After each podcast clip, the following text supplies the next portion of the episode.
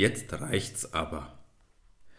Der Sommer ging langsam zur Neige, das Korn war geschnitten, von allen Seiten schwankten die Erntewagen dem Dorf zu, in den Obstgärten reiften die Äpfel und Birnen heran. Wieder einmal war der kleine Wassermann auf die alte Weide geklettert, um Ausschau zu halten. Da sah er drüben auf der Landstraße einen Menschenmann kommen. Der Menschenmann war lang und dürr, er hatte einen vornehmen schwarzen Anzug an und machte Schritte wie ein Storch. Unter dem linken Arm trug er einen zusammengeklappten Regenschirm und auf der Nase hatte er ein Gestell aus Draht oder so etwas ähnlichem sitzen. Es waren zwei Ringe mit einem Bügel dazwischen. Von jedem der beiden Ringe ging außen ein langer Draht weg, der am Ende gebogen war. Mit diesen umgebogenen Enden hing das Gestell an den Ohren des Menschenmannes. Der kleine Wassermann hatte sein Lebtag noch keine Brille gesehen, er wusste nicht einmal, dass es so etwas gibt. Was mag das nur für ein Gestell sein, ging es ihm durch den Kopf, ob ich nicht rasch an die Straße laufe und mir das Ding aus der Nähe begucke? Hops sprang der Wassermannjunge hinunter ins Gras und lief an die Straße. Dort wartete er, bis der Menschenmann angestorcht kam. Da trat er ihm in den Weg, zog die Zipfelmütze und sagte Guten Tag, Menschenmann. Sag mal, was ist denn das eigentlich für ein Ding da auf deiner Nase? Der Fremde blieb stehen, schaute den kleinen Wassermann durch die beiden Ringe an und erwiderte unwirsch Du hast es gerade nötig, dich über andere Leute lustig zu machen. Wie meinst du das? fragte der kleine Wassermann. Der Menschenmann rümpfte die Nase. Na, hörst du, wenn jemand so scheußliche grüne Haare hat, sollte er lieber ganz still sein. Wie kann ein Mensch nur so grüne Haare haben? Entschuldige, wandte der kleine Wassermann ein. Ich bin ja gar kein Mensch. Ich bin ja ein Wassermann. Was? rief der Lange. Ein Wassermann? Dass ich nicht lache. Und so einen Unsinn soll ich dir auch noch glauben? Wieso ist das Unsinn? Es stimmt doch, sagte der kleine Wassermann.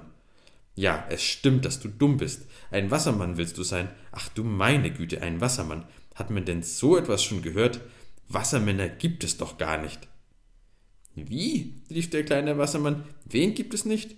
Du wirst doch nicht etwa behaupten wollen, dass ich nicht hier vor dir stehe. Sieh mich doch an. Es fuchste ihn, dass der Menschenmann so gesprochen hatte. Aber es kam noch viel besser. Lass mich mit deinem Gefasel zufrieden, du grüner Bengel, fuhr ihn der Menschenmann an. Wenn du nicht augenblicklich verschwindest, dann setzt's was.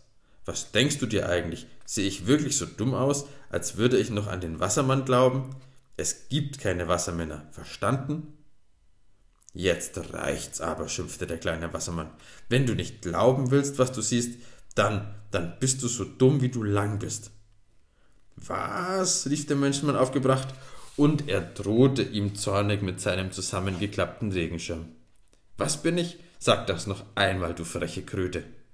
Er machte einen Satz, als wollte er den kleinen Wassermann beim Schlawittchen nehmen. Der aber ließ sich nicht so schnell erwischen. Husch war er schon ein paar Schritte davongelaufen. Fang mich doch, wenn du kannst, du langer dummer Jan, rief er und drehte dem Menschenmann eine lange Nase. Du bekommst mich ja doch nicht.